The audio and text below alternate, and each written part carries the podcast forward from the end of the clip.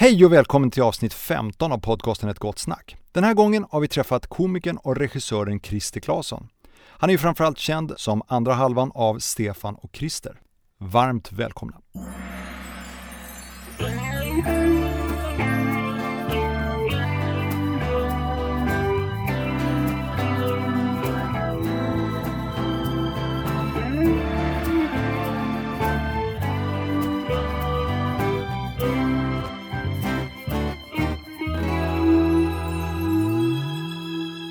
Hej och välkomna ska ni vara till podcasten Ett gott snack.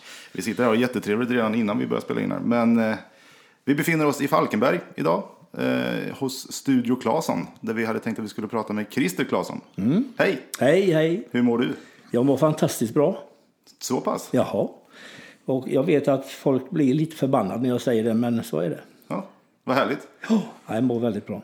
Jag har inte mått så bra i hela mitt liv som jag gör nu. Är det så? Ja. Vad beror det ärligt, på? Då? ärligt. Det beror på att nu så har jag inga måsten. Eller inga, det finns ju givetvis måsten, men mycket, mycket mindre måsten. Du gör lite som. Pensionär och ja, gör lite som jag vill. Tar ju hänsyn. Givetvis måste jag göra till andra människor, men, Det är bra. men att jag gör mycket som jag vill. Använder fortfarande övergångsställen och så. Ja, precis. Och Alltså, jag, jag går inte helt min egen väg. Jag inte, nej. Ja, vad skönt. Det var kul om regler i allmänhet slutade gälla vid 65. nej, inte säkert. Det går så bra. Nej, det vore kul. Ett tag. Ja, nej, men, eh, för någon som inte vet vem du är, hur skulle du beskriva dig då?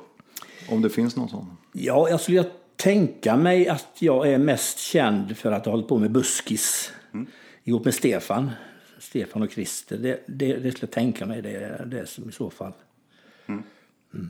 Och är du, vad ser du där? Är du manusförfattare? Är du skådespelare? Ja, alltså det märkliga är att jag ser mig själv som en eh, småföretagare. Egentligen en entreprenör. För jag har alltid gjort allt själv eller så. eh, När vi spelar i band och sådär. Man bokar ju spelningar, man bokförde när man kom hem. Man körde själv, man bar in grejerna och så har det varit. Så det var först egentligen när, när vi fick hjälp som vi kunde ägna oss åt det vi skulle och inte göra allting. Och det var då det gick egentligen mycket, mycket bättre för oss. För- Men jag kan inte säga att jag är något av. Jag, jag har jobbat som regissör och jag har jobbat som manusförfattare, men jag är ju inte det. Nej, nej. Och jag har jobbat som skådis, men jag är ju ingen skådis. Det är Så att- intressant. Ja. Ja. Det är inget du identifierar dig med? Nej, för då hade jag nog inte slutat om jag hade varit det. Nej. Så att jag är mer entreprenör. Jag, någon som sa det att, men hur menar du då? Jag menar precis så här att jag kunde lika gärna kommit på en jävligt fin stövel och varit stöveltillverkare. Det är ingenting som styrde åt att jag måste vara komiker till exempel. Det var- nej, nej.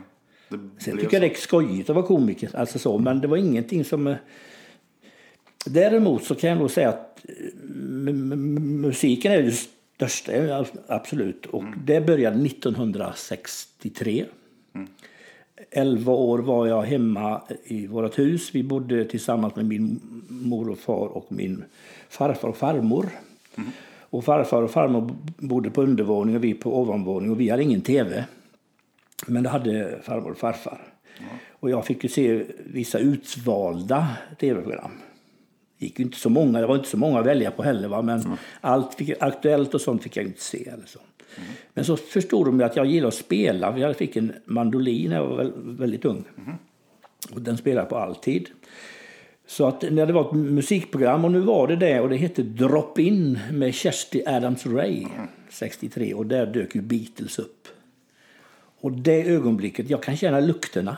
Ja. Så starkt är det alltså.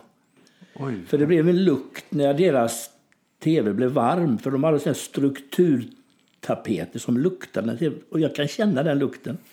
Jag var helt såld alltså. Ja, ja. Då bestämde jag mig, sån ska jag bli. Sån ska jag bli.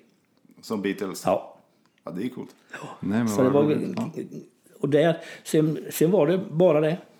Musik, musik, musik, musik. Och eh, jag spelade som sagt i dansband fram till 80. Mm. Vad var det för dansband då? Eh, Ja, det var sju, åtta olika, eh, ganska okända. Det som var mest känt då, som är helt okänt idag, det, de heter Bert Bennys. De känner jag också igen. Ja.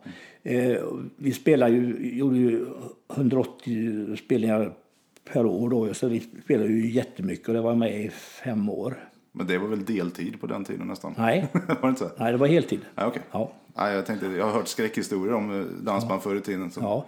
Nej, de hade ganska bra arvoden också sådär så att det, det, det absolut. Jag var ungkarl, jag behövde inte så mycket. Så för mig var det absolut inga problem. Ja. Vad spelar du där för något? Gitarr, Ja.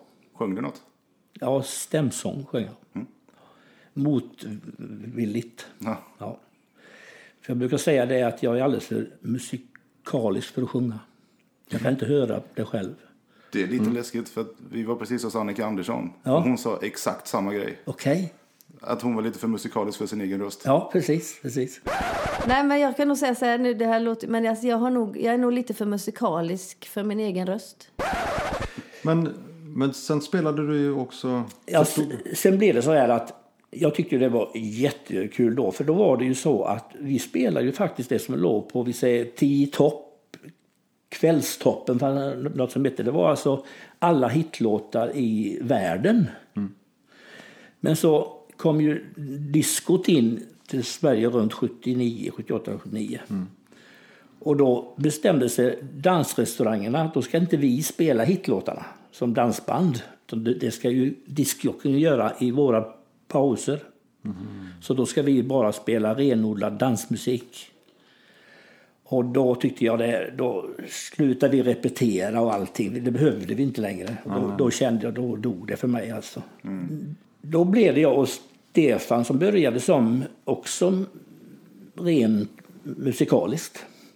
Hur hittade du honom då? Det var så här att eh, jag hade spelat med ett band tidigare, i 73-74, ifrån Älvse, där Stefan är född.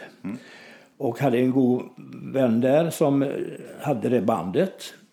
Och han hörde av sig till mig och sa att de ska återinviga Älvsreds hotell. Och då ville de ha någon kille att sitta och spela och sjunga lite där, så, i ett, liksom i ett hörn.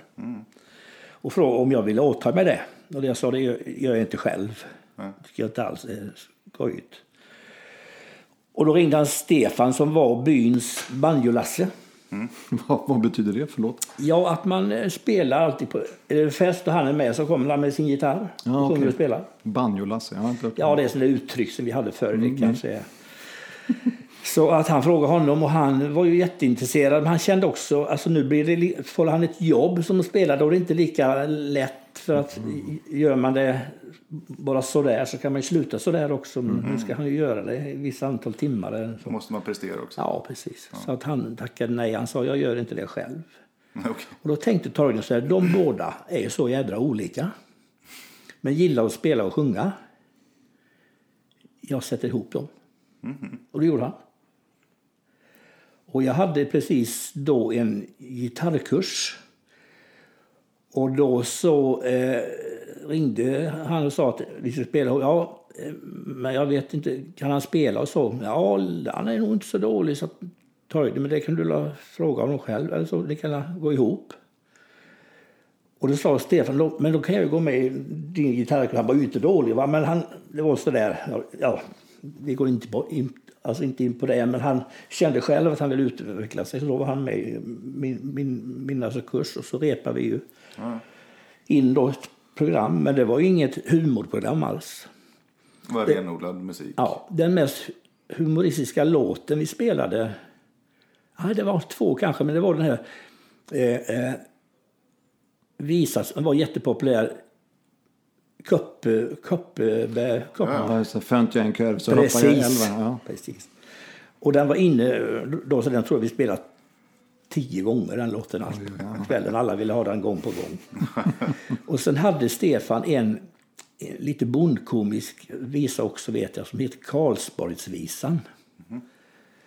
Men det var ju bara sådär, alltså det var ju bara att det var en låt. Vi snackade ju inte så mycket och så. I alla fall så, kom, så fick de höra det i min hemby då, som heter Kalv, där jag är född. Att, jag hade börjat spela med någon kille från Älvsred och att då skulle de ha en sån här hemvändardag där folk som har bott i Kalv, och det är mycket folk, som skulle återvända bara till en dag. Jag tror det var Siv Malmqvist var där och uppträdde och, och så skulle jag och Stefan spela också. Och då kände jag väl lite så att nu måste jag leverera. Och då övar vi in lite mellansnack, inte så mycket men. Och vi tränar och vi spelar Bellman och vi spelar Taube och sådär. Och jag var noga med att vi skulle stämma våra i, i, i, i gitarrer och det, det hör till saken att det var utomhus. Och jag sa till Stefan, nu stämmer du din väldigt noga. Och han hade en nylonsträngad Ovation. Ja, ja. Och jag hade en stålsträngad. Och vi stämde dem, sen la han sin gitarr bakom scenen i solen. Oh, Och nylon och sol är inte sams. nej.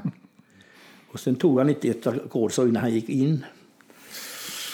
Så att när vi skulle börja den här fina Solen glimmar blank och trind. skulle- Mm. Vad fan är detta? Och där följer ju min eh, karriär pladask kände jag. Usch. Så då började vi skälla på varandra i ren eh, nervositet och ilska. Jag sa, hur fan stämmer ni i Älvsred egentligen? Inte alls som vi i. Och Han skulle försöka, han drog åt fel håll och jag fick hjälp. Och folk skrattade. De skrattade så in i helvete. Där blev det vi. Så det var en slump bara? Ja. Nämen. Och efter spelningen var jag ju ändå inte nöjd. För det var inte vad jag ville gjort. Så kommer fram en till mig och sa, jag bor i Borås och vi har en förening där. Kan ni komma och sp- spela åt oss? Det här var riktigt bra. Jaha. Och, och den sketchen när ni är arga- arga på varandra måste ni ha med. Helt otroligt. Men det var lite snyggt om du sa så.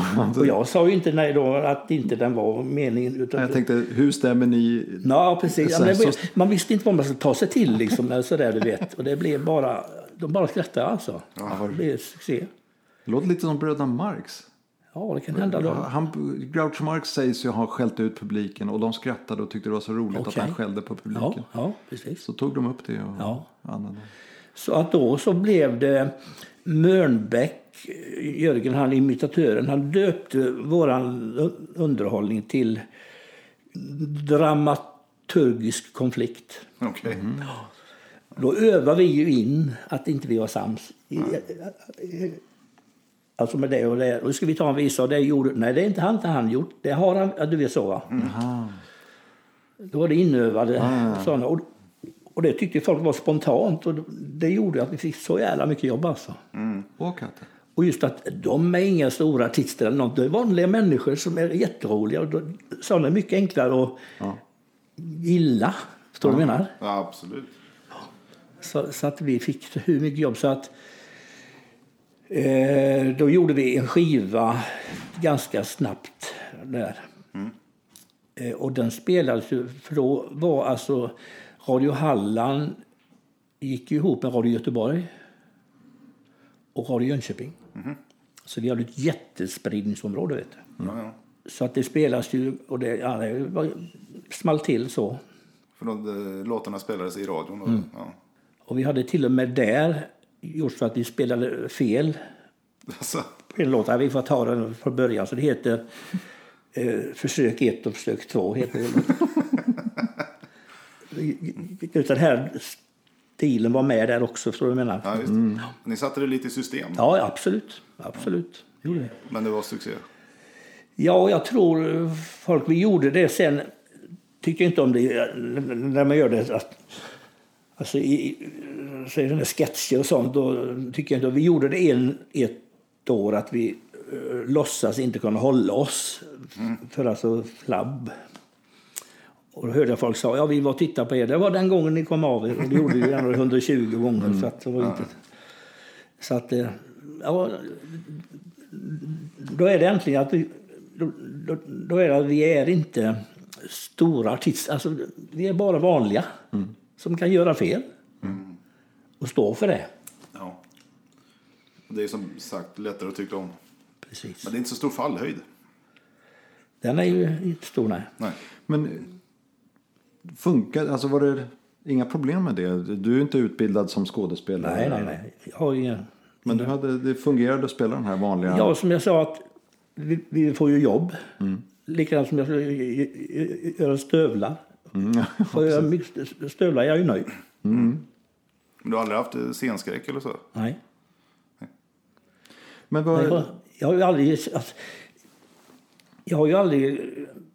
Så jag vet, jag gjorde ju egna texter och allting, men att de texterna vi gör måste vi ju göra själva. Det är ju ingen annan som skulle göra dem. Så enda sättet för att de att få liv så måste jag ju göra dem själv. För någon annan vill ju inte göra det. Så jag visste ju inte att jo, men de texterna kan vi göra om du vill. Va? Ingen aning. Så att man har ju aldrig jobbat så att nu är jag manusförfattare åt andra. ja, okej. Men har det varit lite jobbigt också kanske? Att ha det ansvaret? Ja, man har nog en viss av idéer som... Och när de är slut så tror jag det är slut fan ta mig. Men sen gick ni vidare, för ni har ju skrivit åt andra. Ni plockade in Jajamän, fler i, i... ja, absolut. Jo, det blir ju annorlunda. Sen, eh, sen är jag ju lite grann sån här att jag är, är så rastlös. Och Jag vill inte gå i samma spår. Vi börjar ju med då att vi eh, efter eh, fem år så börjar vi med nyårsrevy. Vi skulle vara med i en nyårsrevy i Värnamorevyn med en imitatör där som heter Sven Slättengren. Och då skrev vi vår första sketch. Och eh, likadant det vi kände, det är ju bara vi som kan göra det- den. För det är ju våra, alltså mina ord som vi gör. Alltså, det är väl ingen annan som vill. Och det har vi Agneta Lindén heter hon som regissör då. Och jag tänkte flera gånger, vad fan gör hon här? Hon har inget Nej, att komma med. nej, nej, jag fattar inte vad, vad de gör, en regissör. Vad, vad, hon sa det är jättebra. Okej. Ja, kul. Det är en publik. Får hon betalt för det? Nej, men du förstår. Ja, jag förstår. Proffstyckare. Ja, precis. Det var fint. Och när jag fattade då, när- då att ja, men hon, herregud, hon, hon ser ju sketcherna, så, så det kan man ta bort och det kan man öka på. Det måste ni vara starkare och övergångar och sånt där. Revyer är ju viktigt att gå snabbt och sådär. Så klart hon hade ett, och då kom jag fan en revy skulle jag vilja göra själv. Alltså, och då gjorde vi det 88. Skottbubblor. Ja, Skorpebblad. Och det var där, det året som eh, tror jag inte Tein då föddes. Vi hette, vi hette, när vi bildade det bolaget 87 så hette vi Produktionsgruppen i Halland AB. Och då kunde vi ju lika gärna gjort stövlar. För det var ju samma ett namn som var värdelöst. Jaha, okej. Det var inte så slagkraftigt. Och idén var jädrigt smart alltså. Och idén var Lasse Bengtsson i Getinges. Han drev en studio som heter Studio 38. Han och Lennart Oskarsson. Parentes, det var han som spelade med rymdklangen. Ja, också. precis. Och han eh, liksom insåg det att det kommer många dit och skulle vilja göra saker men det blir för dyrt. Och han skulle vilja göra, göra saker men det blir för dyrt. Och, och det är många som vill säga att det är föreställningar men det blir för dyrt. Man måste hyra in så många andra. Så han ville slå ihop alla vi som skulle behövas för att göra en produktion i ett bolag. Så din insats ekonomiskt är din insats arbetsmässigt. Och första projektet vi gjorde, han var med också, Ingmar Sigge Olsson. Det är bekant, han var ju kulturchef i Halmstad då, senare. Hans dotter Linnea Olsson spelar cello. Ja, ja, ja. Ja, ja. Henne känner vi till. Mm, känner Och till. eh, sonen heter, han spelar väl med Robin, eh, percussion. Okej. eh, Povel. Heter han. Och han, hade, han jobbade då som musiklärare och han sa det mitt problem är när jag har elever som ska spela i grupp det är att de tränar inte hemma. På grund av att har du, spelar du saxofon så är det jättetråkigt att sitta ensam. Så han ville att vi skulle spela in band där dens instrument inte är med. Okej. med noter och allting. Att här är bakgrunden, alla de andra instrumenten, men ditt är inte med, du får spela det själv. Och det gjorde vi också. Tryckte upp en jävla massa band och spelade in. Och det var många olika då. Alltså, nu ska det fattas, det instrumentet, nu ska det fattas. Alltså det var många olika så. Ja. Men vi hade inte möjligheten att få ut det. Så det gick inte. Ja, okej. Andra projektet, då var det Bosse och Janne Andersson som sa att vi skulle vilja göra en revy i Falkenberg. För det hade inte funnits någon sedan 1963 eller något sånt. Ja. Och då var vi på direkt. Ja, revy, för då var jag inne på det. Ja, revy skulle jag vilja göra. Och då blev det skåpbubblor. Och det gjorde vi i sex år. Ja. Och, eh, och de sa det här kan ni ju hålla på med hela ert liv, men det är precis det jag inte vill. Sex år var ett år mycket, tyckte jag. Nu måste vi göra något nytt. Fast inom våran stil, men inte gå ner i stadskällaren och sätta sig i logen och gå upp och spela sju kvällar i veckan. Det orkar jag inte i fem år ens. Nej. Hur träffade du Janne och Bosse? Mötet att de var så inbjudna där i Det var så? Ja. Janne, Bosse, Eva och Torbjörn hette ett eh, artistpar. Och Sigge Olsson, Lennart Oskarsson och jag Stefan var vi okej. som bildade detta bolaget. Och då är det inga problem för ljud och ljus hade Lennart och dem. Behöver inte hyra. Kapellmästare Stig Olsson, han skrev arrangemang. Behöver inte köpa in det stora. Vi skådespelare. Kostar ingenting. Så. Ja, då blev det ju så. Ja, det, är, ju- det är ju väldigt smart. Ja. Hur, hur gick det vidare efter Skåpbubblor då? Då var det buskisturné? Det ökade ju ifrån. Vi gjorde 15 föreställningar första året och jag tror 140 sista året. Oj. Och sen gick det vidare till sommarbuskisföreställningar tror jag. Och det var då ni träffade Siv och Jojje kanske? Eh, nej, Siv träffade vi i Skåpöber också. Okej. Mm. Vi, hon var med oss 1990, första året 1990 tror jag. Då fick jag se henne i en kvällstidning att hon hade blivit utsedd. eh, Det finns något som heter LIS, till? Lokalrevyer i samverkan heter det. Det är en alltså organisation över hela Sverige där de utser den bästa sketchen, bästa dansen, bästa monologen. Då vann hon som bästa monolog. Och då var hon på bild där som Augustina, hennes figur. Och då fick jag se det i tidningen. Och så tog jag reda på var hon bodde. Hon bodde ju bort i Nybrohållet eller där bortåt.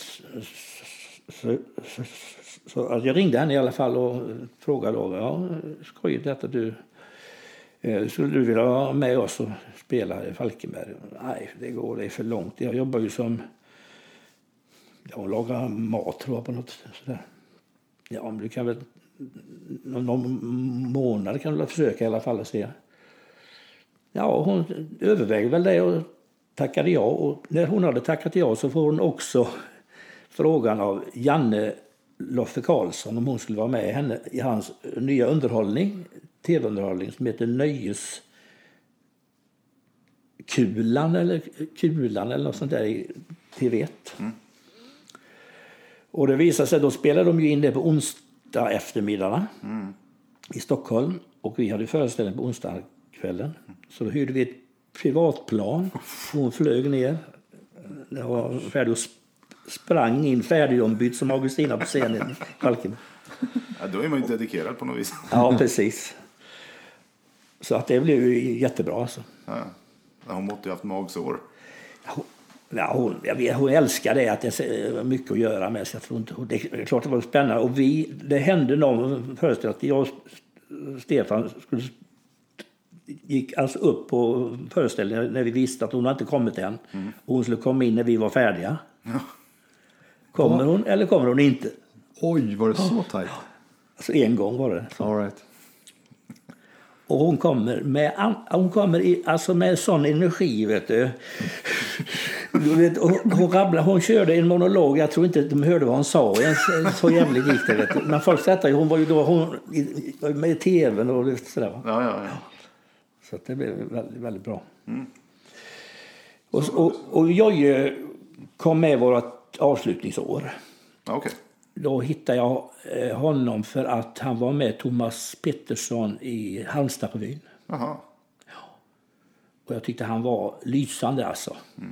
Det var helvete vad bra han var. fan är han ifrån? Och då var han ju här för stan. Det visste ju inte jag. Så då var det ju så, höra man med. Ja, kan jag göra. så det, ja så är det. Ja, så då drog ni runt med eh, sommarbuskis? Ja, i fem år tror jag. Ja. Var det alltid turné eller var det, hade ni någon fast punkt? Ja, vi gjorde höstföreställningar inomhus också. Ja, okej. Så att jag, jag kommer inte ihåg exakt, men... Eh, det jag minns var det året när vi släppte våran andra tv-serie. För då, då kom det så jävla mycket folk. Och nere hos er där i... Vad heter den? eh, Trädgården där? Roseträdgården? Eh? Norrvikens. Norrvikens. Ja, Norrvikens trädgård. Ja. Där hade Ulf Lundell eh, rekordet med 4 100 tror jag. Det kom 7 8. Åh jävlar. Och det satt folk i träd. Det var kö ända ut till motorvägen. Polishelikoptrar, vet du. Och sköt på föreställningen i timmar. De satt i träden. Alltså, Jag har aldrig sett något liknande. Det måste ha varit en kick av Guds nåd. Ja, alltså det var helt o... Jag fattade ingenting. Förstod ni någonsin hur stort det var? Nej, alltså det, då fattar man ju att det kom så jävla mycket folk. Och det, det är alltså, jag vet både Janne och Bosse satt insläppet och de sa det är nog den första och förmodligen enda gången de kommer att sitta och hoppas att nu, det kommer mer nu. För de känner vad folk blir av. Nej. Men det var inga problem. De bara var, många hörde ju ingenting klart. Nej. Men de var ju ändå där. Ja. Så det var häftigt. Vilket år var detta? Ja, det, är med åren. Men kan det ha varit 95, 96? Det var så du, andra tv-serien sa du? Ja. Så det var Full fräs nummer två då? Ja. Ja, det var 96 tror jag. Ja, Om jag ha har mina årtal rätt. ja precis. Ja, det var sans. Och var vi än var så var det ju fullt alltså. Och var en speciellt också. Det hette Vissefjärda. Alltså, vi visste inte var det låg och vi trodde inte det fanns. Och anledningen var att vi skulle vara i Kalmar och i Växjö. Men så hade det blivit något fel så vi hade en dag ledigt. Och fan så Bosse, vi måste ju spela. Så då bara satte han ner fingren emellan på kartan mellan Kalmar och Växjö. Det heter Vissefjärd. Där ringer jag dem och frågar om det, vi kan vara där. och så gjorde han ju det. Ja, ja vi har ju lokstallarna kallar vi det. Gamla eh, stallar. Ibland har vi lite visor här och sånt. Ja, vi hyra det. Jaha, det får vara bra. Kommer dit och det är en scen, det är ju ingen scen eller någonting. Och, han står där, han har köpt två backar läsk han ska sälja och en påse bullar som hans fru har bakat. Satt ut några bänkar så va. Och Bosse sa, det här kan inte räcka. Har du inte fler bänkar så följ dem först. Så. Och det kom 1700 där vet du.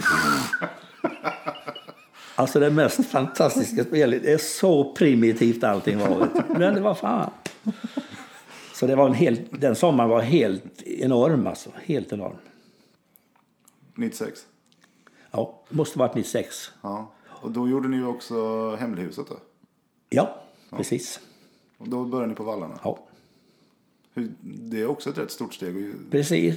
Återigen, nu tyckte jag det, nu är det gjort. Och, och ligga ute på turné, det, det, det är alltså skoj. Som jag ju sa, att det var en dröm i början och ett helvete i slutet. För att man äta på hotell, han ligga på hotell, han tyckte det var fantastiskt. Men du vet när man gjort det, mm. så är, och det, det är så mycket tid som går åt till ingenting och du kan inte göra något när du ligger ute så. Nej. Så sa jag, kan vi inte göra någonting här hemma så folk kommer hit istället?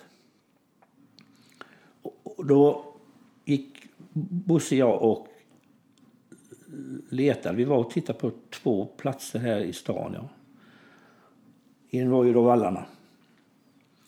Så då eh, visste jag om, för då hade vi aldrig spelat någon pjäs. Nej. Och så kände jag han som var revypappa i Borås för Nyårsrevyn. Han hette Kurt Pettersson. Och han hade gjort en fars för många år sedan där Lasse Brandeby var med i den. Och som hette Spillolja. Och den tänkte jag, den skulle vi sätta upp. Och så åker jag upp till honom och får manuset och då visar sig att det är jättemycket lokalt som hände det året. Då, för det var mer en, en teaterrevy. Och, och, i Borås, det som hände i Borås med, med vägar och omläggningar. Så, så jag, fick ju, jag, jag sa jag måste göra en rejäl bearbetning. Du gör som du vill, sa han. Bara skriv om som du vill. Jag tänkte jag ska göra jävla försök. Det var ju stort en hel pjäs. Mm. Och så tänkte jag återigen, denna måste jag regissera själv som jag nu har skrivit, som nästan blev min egen.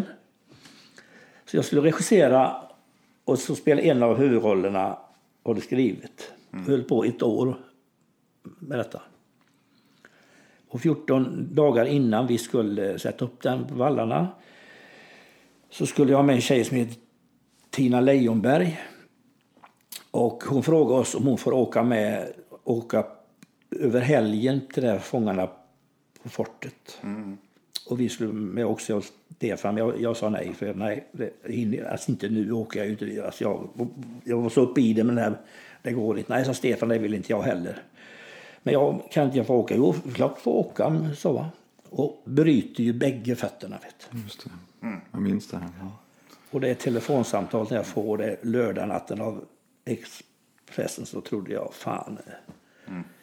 Det där sjönk den pjäsen i Ån Ätran liksom. Mm blir ingenting med detta. Men vi hittade en som heter Ingrid Jambell, eller hon hörde av sig själv hit sa att jag är sommarstuga i Falkenberg, ledig hela sommaren, är skådespelerska. Så jag hoppar in. Mm. Och, jättebra. och lärde sig allt på två veckor? Ja. Imponerande. Ja, vi slet som hon speciellt och vi slet som djur med detta. Vet du. Ja. Och hade premiär då, vi har haft mycket sån där skit.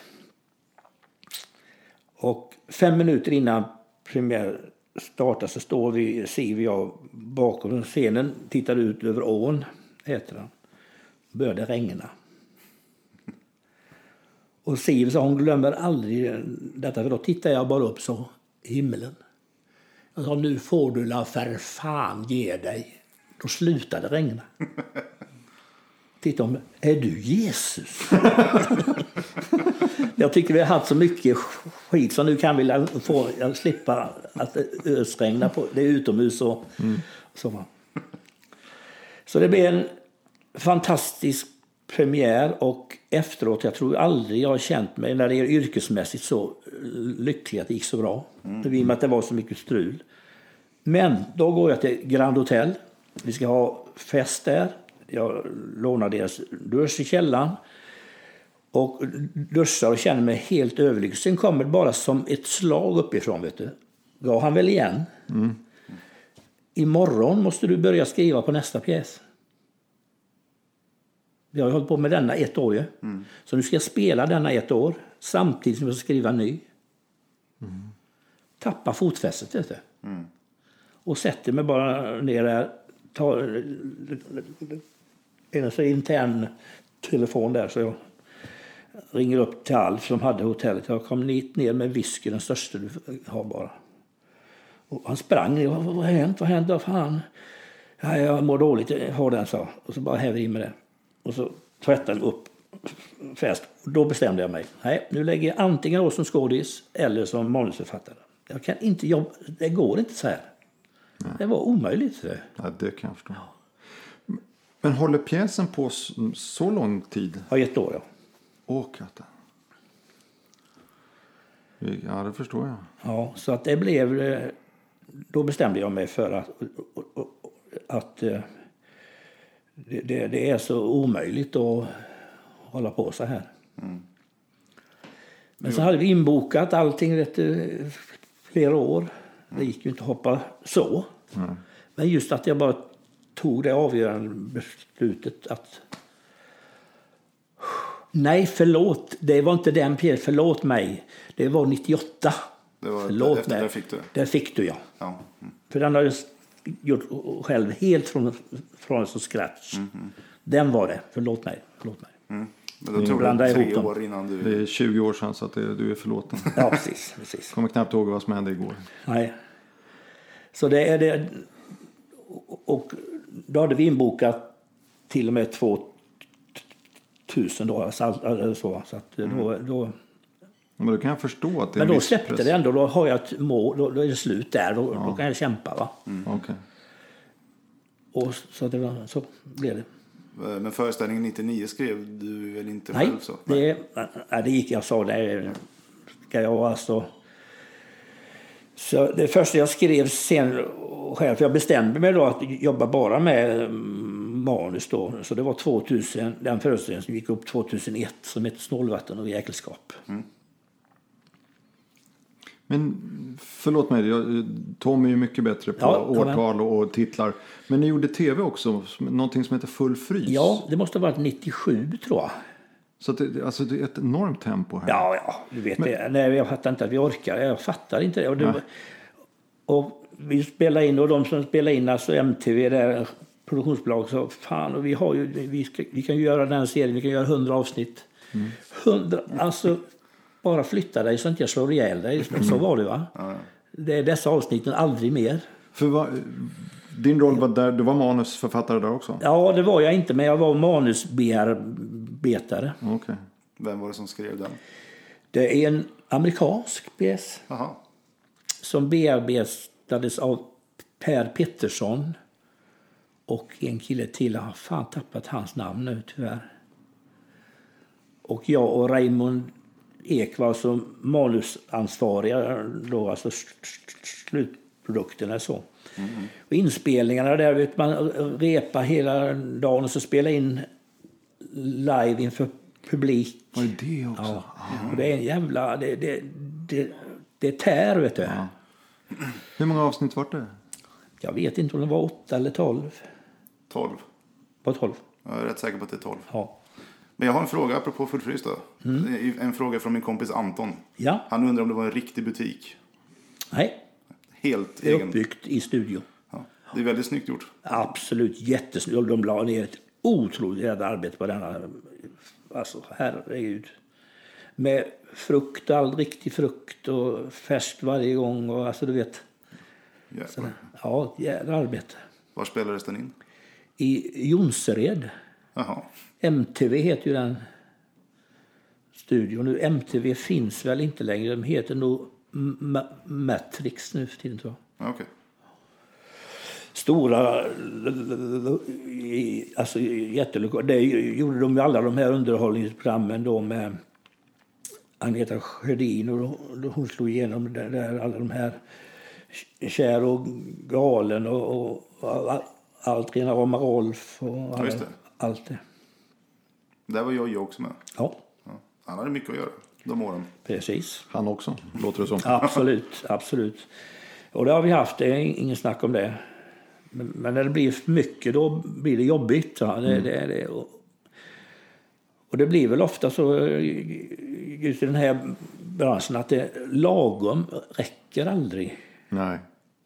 Ja, det är, jag kan tänka mig att det är svårt att sätta gränser. Ja, För att, Jättesvårt, för det är inte bara du det handlar om, det handlar om så många andra med. ja. Och sen är planeringen ganska lång. Att du har Precis. gjort ett åtagande. Och då är det enkelt, ja nästa år kan vi göra det. Ja. Men då hänger ju det Och så över dig. ökar arbetsbördan så vi är där då. Nästa år så kanske jag är ett, ännu mer superstressad än när jag sa ja. Så det, det, det, var, det var underbart att få lägga det bara så. Ja. Men efter det så har du skådespelat lite grann då. Ja, det har, jag fick ju hoppa in tyvärr i den första när jag skulle inte varit med då. eh, Den snålvatten eh, jäkelskap. Vi skulle ha med en kille, eh, en man som heter Mats Ljung.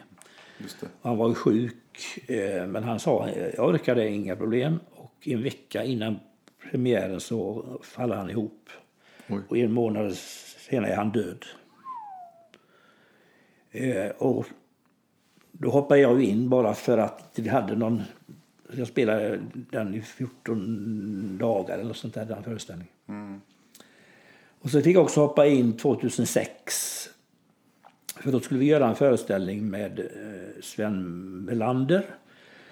Han hade läst en bok som en före detta läkare som heter Richard Fuchs i Stockholm hade skrivit. Som heter Är du riktigt eller vill du bli frisk eller något sånt där. Och då så eh, så Sven, den vill jag, sa han till mig att den vill jag att du ska eh, regissera.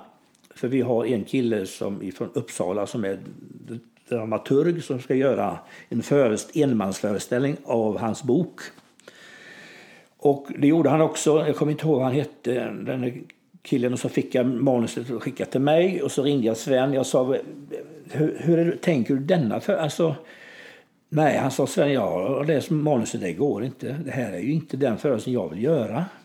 Detta är ju alldeles för allvarligt. Det är ju riktigt, det är ju liksom inte kul nästan någonstans. Så sa han till mig, du kan bearbeta om den, göra om den.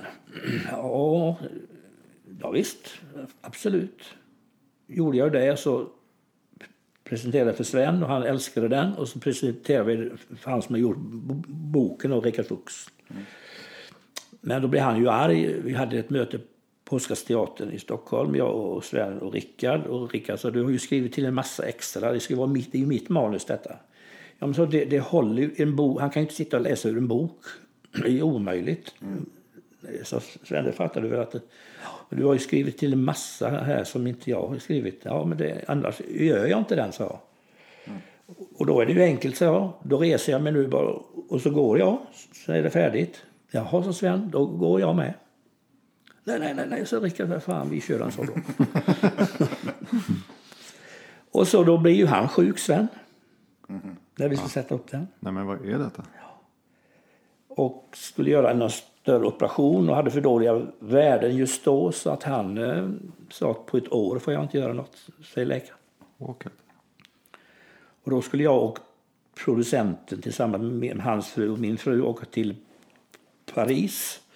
Bara en sån här weekend och ha lite gott. Mm. Och han, producenten blev ju helt nedslagen. Så vi har ju bokat upp lokaler runt hela Sverige.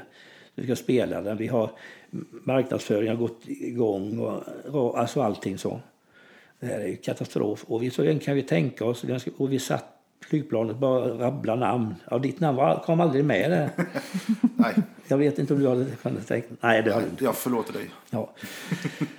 eh, så att vi kom inte på någon. Och vi kom fram till Paris så säger min hustru väldigt otippat kan jag säga. För att jag har ju slutat lite på grund av att jag aldrig var hemma heller.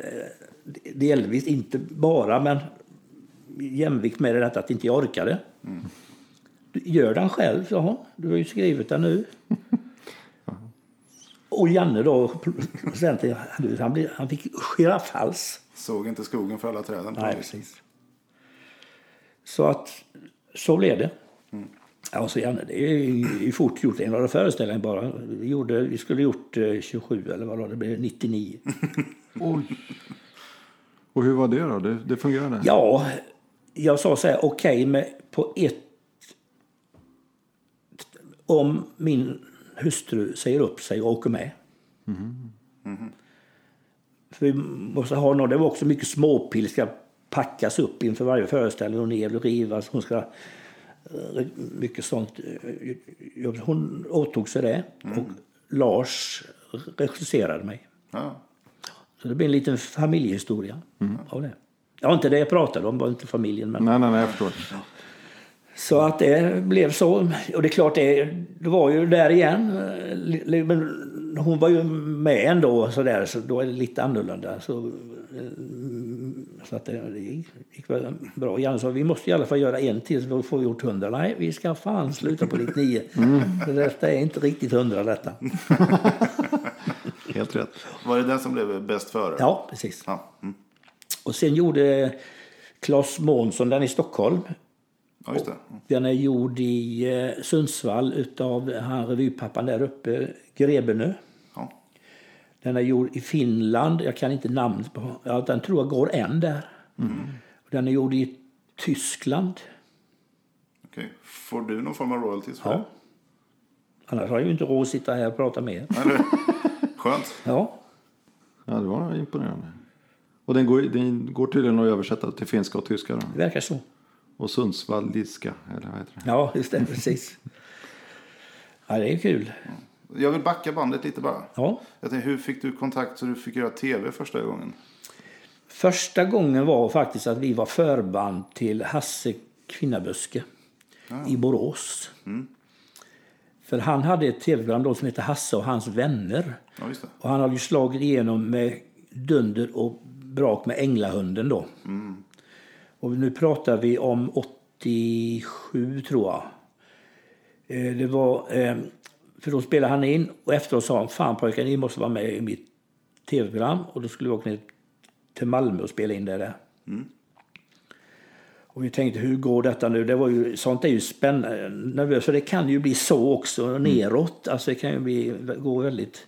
Och då kanske inte man får jag lägga av sen. Och folk skrattade någonting så kopiöst när vi spelade in detta så vi var som på mål. Och så fick vi veta efteråt att det var en professionell publik Jaha. som har läst vårt manus. Jaha. Som vet när de ska skratta. Och då stoppa upp skyltar och så Ja, skratta. utan skylt då. Ja, okej. Åh fan. Aj, aj, aj. Mycket märkligt. Ja, det kändes det? Men det var ju jättebra för oss. Ja, ja, ja. Okej. Så det gick ju kanonbra. Ja, vad skönt. Givetvis. Men det fick ni inte reda förrän efteråt? Då? Nej, precis. precis. Ja, det var ju kanske smart. Ja, det var, nog- ja. Ja, det var, så jävla ja, det var hysteriskt. Vet du. Och sen eh, gick vi till TV1 i Göteborg sen 89. Då hade vi en idé, programidé. Och då säger de, frågar ju de, har ni varit med på TV innan? Nej, nu tar, nu tar jag det runt igen. Detta var 86 första gången vi gick till Göteborg. Ja, okej. Då frågar de, att, har, har ni varit med på TV innan? Nej, ja, men då går det inte. Hur ska man komma in i TV då om man måste ha varit med i TV innan? Moment 22, det är helt jävla omöjligt. Ja. Och sen blev detta då 87 och sen så ringde Erik Blix 90 eller 91. För då gjorde han ett tv-program som heter Blix från klar himmel för Göteborg. Så gick på fredagskvällarna och då blev vi uppbjudna dit och där var det ju då eh, 25 stycken runt ett bord. Den har hand om det och den har hand om det och den har hand om det. Det är barnombudsmän och det är, ja du vet, hela re- religiös tar hand om oss som ska lägga... Alltså, ja. Och sketcherna skulle de väl kunna tänka sig att de kunde ha med då, som vi har skrivit. Men Birger fick inte vara med förrän efter 22.00. Så barnen säkert har somnat. Ja, Okej. Det var hon Stenholm, hon som hade hand om ungarnas förstånd. Ja. Eh, Så att, och det blev ändå barnens stora favorit. ja. Mm, ja, visst. Ja, det är ju någonting vi inte ens har snuddat vid. Hur kom han till? Eh, Skåpbubblor 88, första skåpbubblor. Det fattades i föreställningen som vi kände en monolog. Och jag hade ju aldrig gjort någon Stefan hade inte gjort någon. Och jag, jag, var inte, jag visste inte riktigt. Ja, kanske så fall vill jag spöka ut mig så ingen ser att det är jag. Så gick jag hem och jag hade en röd sån hängande där som jag hade när jag var 15. eh, Röd, Polotröja? Polotröja, ja. Par gabardinbyxor där jag hittade. Ja, det ser inte så snyggt ihop så det blir nog bra. och så tog jag då eh, slipers eller där eh, fot... Vet såna, vad heter det? Morgontofflor eller vad man ska kalla det. Det var inte så snyggt ihop heller. Och så hade jag en svart basker tror jag som jag startade med. Och så tog jag löständer som jag bad en, en tandtekniker eh, göra åt mig här i stan. Och så, men så tyckte hon svart på huvudet och rött, det blir nästan för snyggt. Men så hustru, vad är sämst ihop med rött? Ja, det är orange. Ja, då får jag färga den orange då. Och min intuition var att han skulle vara blyg. Han skulle titta ut bakom scenen, titta in lite så och så till inte vå- våga gå ut. Men förmodligen var jag ju så jävla nervös när jag skulle göra denna på genrepet. Så han bara sprang ifrån mig in på scenen. Jag fick knata efter givetvis.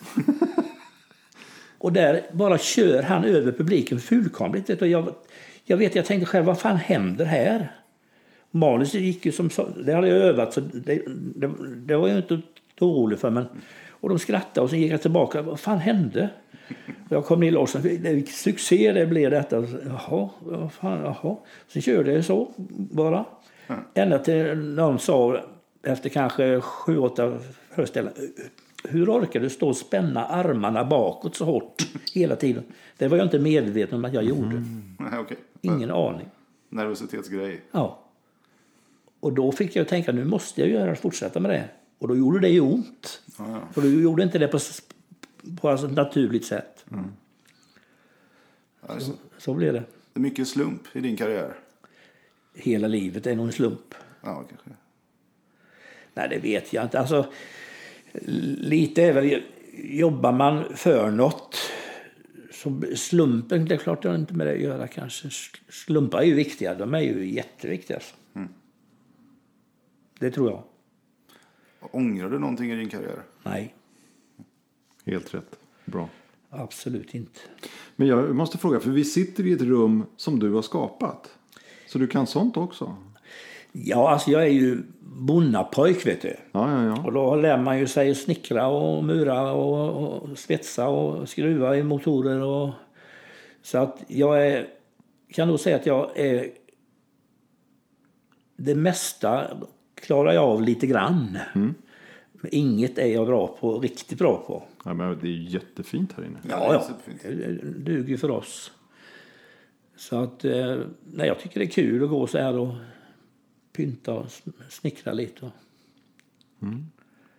För vi befinner har inte vi Tom sagt, vi befinner oss ju i Jo, en studio. Det. Ja, jag trodde du sa det. Ja, Kanske det. ja, kanske. Ja, om inte annat så säger jag det nu då, att vi befinner oss i Studio Claesson i Falkenberg. Ja, Ja, precis. du sa det nog kanske. Det Jag som det var länge sedan. Hit eh, flyttade vi studion ifrån mitt föräldrahem. Vi hade den där, där, där först i 15 år. Men så flyttade vi hit nu ett och ett halvt år sedan. Och vad är din uppgift så att säga? Vad, hur Ja, engagerad är du här? vaktmästare Okej. kan man säga. Ja. Men du sp- spelar du någon musik fortfarande? det gör jag. Jag är med i fyra band. Oj! Ja, men vi spelar ju inte hundra spelningar per år per band. Nej, det var skönt att höra. Precis, utan det är kanske fyra spelningar per band per år. Ja, Okej. Ja. I vilka sammanhang? Bröllop? Ring bara så kommer vi. Det, Okej. det är sammanhanget. Och är de olika stilar, de olika banden? Ja, vi alltså, det som är återkommande är ju att jag och min yngste son Jens då, eh, vi har, för de ville, att, de ville ha sån där quiz på Harrys här i Falkenberg. Då frågade Kristoffer och Jens som, som skulle spela live och så nå- någon som gör quiz om jag ville göra dem. Och jag sa att om jag får vara med och spela också, annars gör jag inte det. Så då blev det, vi, gjorde vi, startade vi det. Och det är två år sedan nu.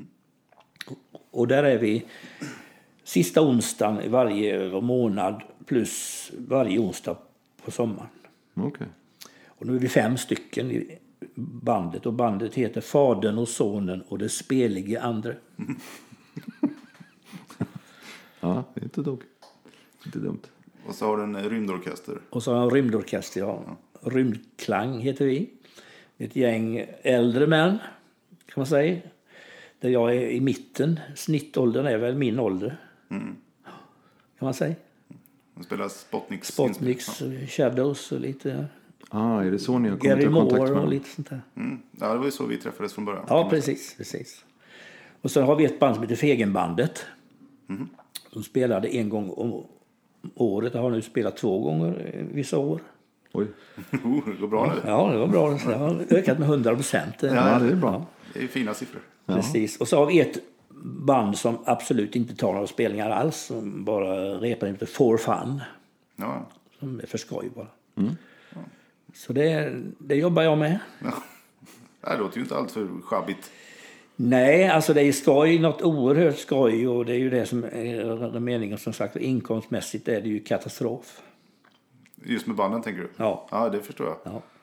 Och det är skönt att inte det har någon betydelse. Men Men nu, du skriver inget nu, Nej. du spelar inget, skådespelar inte Nej. något?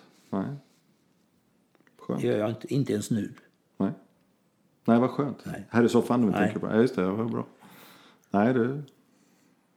Så att vad, hur, hur Jo, ser jag har- framtiden ut? Så man... Ja, jag har ett projekt faktiskt som jag håller på med i nästan i fyra år, i, i alla fall i huvudet, som tog fart kanske för ett och ett halvt år sedan. Och det är så här att, eh, vet jag inte hur, hur lång tid har vi? Ja, vi, hur länge du vill. Det är så här att jag, jag har haft eget företag sedan jag var 18 år. Och jag kan inte påstå att jag har varit så jävla begåvad i skolan precis. Eh, eh, med, med liksom matematik och sånt. Men eh, har du eget företag måste du lära dig att räkna helt enkelt. Och så har jag ju då eh, hjälpt några släktingar som har haft dålig ekonomi genom att göra enkelt en budget åt dem bara. Som är ganska enkelt om man bara förstår vad det handlar om.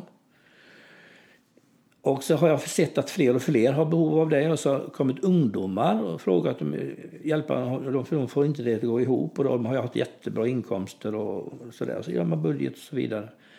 Och har jag kommit på att ungdomarna idag som är 20, ja nu är ju du 25, Tom.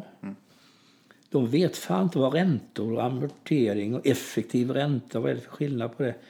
Vad innebär allt det här? Nej, jag har inte heller någon koll på det. Nej, för att det får ni inte lära er i skolan. Nej. Och det tycker jag är katastrof. Det är märkligt. Ja, jag håller med. För att det är ju därför alla dessa oärliga låneinstitut dyker upp överallt. Och det är därför sms-lånen ökar överallt. Folk förstår inte hur farligt det är. Nej.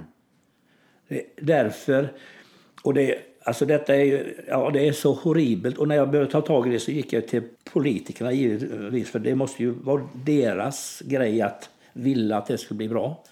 De är inte intresserade. Nu är de nog det kanske när det är valår. Men det betyder inte att de kommer att göra något åt det. Nej, nej. Så jag har pratat med riksdagspolitiker, jag har pratat med lokalpolitiker, jag har pratat med skolstyrelsen. Jag har så, under alla år jag har intervjuat ungefär 100 ungdomar. Och flertalet har ingen aning vad ränta och amortering är. Så nu har jag då eh, kommit så långt så är det ett företag i Göteborg som gör läromedel på ett modernt vis, alltså som man kan få på paddan och som lärarna ska använda då. eh, Att vi ska lära ungarna eh, och min idé är att man ska följa två familjer ifrån sjuan och genom hela skolan. Och där ett skolår är fem år för familjen. Och familj A ska sköta sig bra. De ska liksom, löner och antal barn och boende ser likadant ut för mm, båda. Men den ena familjen sköter sig och den andra inte. Och då kommer de följa dem i 35 år. Vad hände med B-familjen? om 35 Ja, den är, finns inte. Nej, okej. Den är väck. Och, och, det, och de ska förstå att det är bara du själv som kan ta hand om din egen ekonomi. Det är bara du själv som ska ha koll på din egen. Då blir du rik. I alla fall så kommer du alltid ha pengar. Ja, så är det ju. Så är det. Och nu har vi hittat ett sånt som heter Lin Education då, som gör detta. Så nu håller jag på och få lite sponsorer för det här. För jag har lagt ut jättemycket stålar på det här redan nu. Och eh, nu känner jag att nu måste jag få med mig någon som tycker det är en bra idé. Och det är, eh, för att annars så skiter jag i det. Och nu har jag eh, några som är, som är liksom med mig. Så, och det här får jag ju aldrig kanske uppleva när det blir när det slår igenom verkligen så folk men vad fan då? Jag har ju det i mig, jag måste ha ur det. Jag kan inte ha det liggande för då mår jag ju skit av det. Jag måste göra. Så det är min gåva till mina barnbarns barnbarn. Oj, det är en dyster prognos på...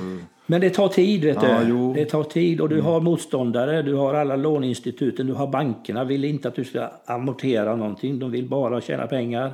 Du, har, du, du har politikerna emot dig. Du har hela etablissemanget emot dig. Då tar det tid. va. Ja, det är så sant så. Men Nej, det, enda, det, jag ska göra vad vad jag kan. det enda jag kan tänka mig att ungdomar kommer i kontakt med är program där de försöker ställa saker till rätta efter att det har gått fel. Som, eh, vad heter de? Skuldfällan, heter det så? Ja, precis. Lyxfällan. Jag har även Lyxfällan, snackat med Mattias där på om det här och han sa de har ju haft eh, samma tankar och egentligen gått igenom samma resa som jag med politikerna men det går inte. En politiker måste komma på saker och ting själva annars så tar de inte det. va? För att då känner de vad ska jag, då finns de ju inte. Så det kan du lägga så de, det är bara skit i dem för du orkar inte. De har gjort det. Så vad de gör nu det är ju ute och föreläser då just om detta. Va? Men i min värld så måste detta upprepas varje vecka. Du ska, ungarna ska prata om Ason och Beson i samhällskunskap, i hemkunskap, i matematik. För det är ju det är hela ditt liv bygger på detta. Helt rätt. Och det ska komma varje vecka A som ska sitta så, vet du.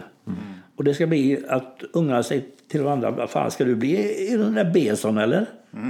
Du köper ju, du har ju lånat ju pengar av mig nu, när ska du betala tillbaka dem?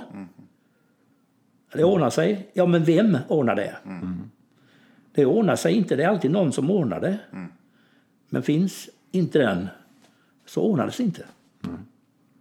Och här, det bara ökar. Kronofogden, vet du, det, det har dubblats antal fall på fyra år. Så? Och bankerna i all ära, men alla de andra låneinstituten som tar upp till 30-40 procents ränta. Ja, det, man läser det finstilta där. Ja. Precis. Och det är alltså så att vi har en lag i Sverige som är förbjuder att du, du får i, inte ockra. Nej. Men de har dömt ett fall på 17 år. Oj. Jag kan räkna upp fem fall om dagen. Och ingen gör något. Och det enda sättet att få bort köpare till de lånen, sms-lån, då, det är ju att utbilda ungdom, ungdomarna. Det är kunskapen det enda sättet. Då får de lägga ner, för ingen vill ha dem. Så då, de, ja, du har många intressenter emot dig. Precis, precis. Du ska inte skriva en föreställning om det. Nej, alltså jag orkar inte det, för det blir... Det, det, det, Det är svårt att få in pedagogiken så. Ja, så, då får de uppleva detta en enda gång bara. Och sen är det ju, alltså, du, du måste återkomma detta, upprepa detta för ungdomarna. Hela tiden, hela tiden. På ett enkelt sätt. Och matematik är mycket, mycket enklare än vad många tror. För att matematiken idag, den gör så komplicerad. Det är de här trianglarna och det här x och y och detta. Och det orkar folk inte med. Vet du. Nej. Det lär man sig när man behöver det. Inte i skolan. Nej. Helt rätt. Och vad han sa det, för jag sa till han, han var, ju 20, han var som du, du Tom, han var 24 år. Och de skulle då ha barn nu då va. Och vi skulle köpa ett hus med så. Och jag visste ju att hans ekonomi, de har ingen ordning på det vet du. Ja men hur fan ska ni, då får ni ju låna pengar. Då vet du väl att sen, är, sen är det ju utgift, måste, ja ränta betalar man väl bara en gång det eller när man tar lånet, säger han. Oj. Snacka om att han får en överraskning. Månad två. Ja. i 40 år. Och månad 225. Ja, Ja. Precis. Mm. Och han sa så här till mig. Men jag sa, får ni inte lära, fick ni inte lära i skolan? Nej, jo banken var nog informerad en gång tror jag, sa han. Men det vet han inte. Då satt han väl och smsade kanske.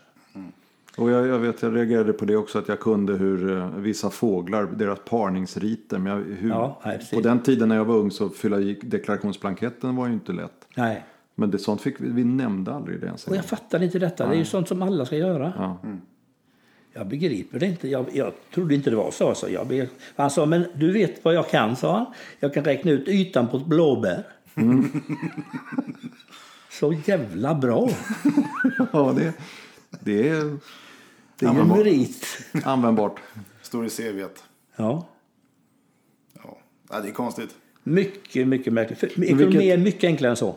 Och idag blir det ännu svårare för nu kan man inte använda sig av mynt längre eller sedlar. För hade du 100 spänn och betalar 70, det du har över har du kvar i handen. Det ser du ju inte på ditt Det blir mer visuellt så. Nej, Ja. precis. Så då är det ju enklare också. Vi, men nu finns det, det blir ju ännu viktigare nu. Vet. du. Nej, det är bara siffror på... Ja, på, ja, just det. ja det, var, det var ett lappkast i, i karriären. Ja, precis, precis. men det, det- Nej, jag tycker, alltså, och just det där att de här låneinstituten, de här sms-lånen, att de lever så gott på ungdomarnas okunskap, det retar mig så förbannat. För det är så omoraliskt gjort. För De vet att de är riktiga jävla... Det är banditer vet du, som ska låsas in alltså. Så är det. För De förstör ungas liv. Det är samma som att ge dem amfetamin. Det är lika, samma straff.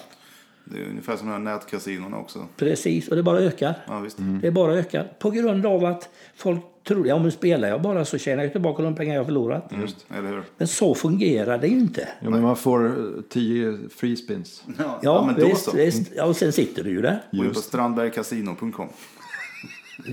Ja, det Det är är... hans efternamn. Okej, okej. Ja, nej. Jag spelar inte. Ja. Då, då vet du att, att det gick inte så jävla bra. Nej. Nej.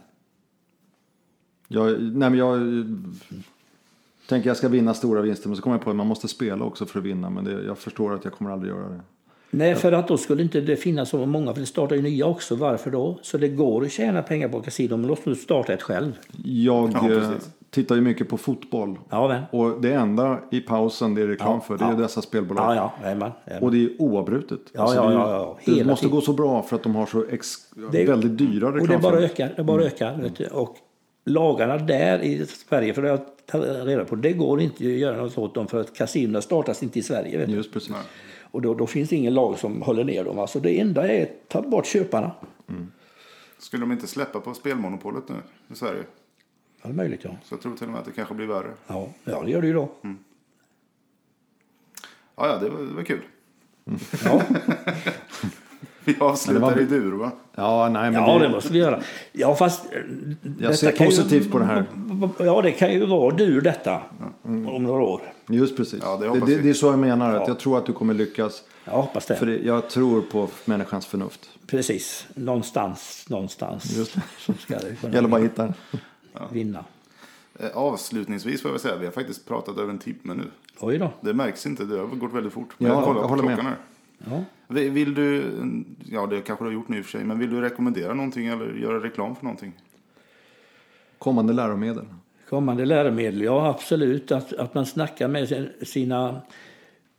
För att jag gjorde, för att återknyta bara lite till det, så sa till men du måste be dina föräldrar hjälpa dig lite med din ekonomi. De kan inte heller. Nej. För de har heller inte lärt sig i skolan. Det var det. Färdigt. Punkt för det. Nej, reklam. Ja, det är klart. För denna studion. Just nu har de så jävla mycket att göra så jag vet inte om de, de vill ha... Men det går ju snabbt så att man är ju välkommen hit om man vill hitta på något kul. För vi har en, en kreativ miljö här och eh, öppna för det mesta. Mm. Och ni är ju både ljudinspelningar och Ja. videoinspelningar. Precis det. Just nu spelas det in en CD-skiva som ska säljas på eh, Allsång på Vallarna i sommar. Bo och Mats. Bo och Mats, ja. Och sen är det ju då Ni, Nina Tellqvist och Matilda Skog och Snus Svensson och eh, Spunken och Peter Strandberg och Peter Larsson och, och Bernt Bengtsson sjunger. Och, ja, det är en mastodontskiva. Ja, det får jag säga.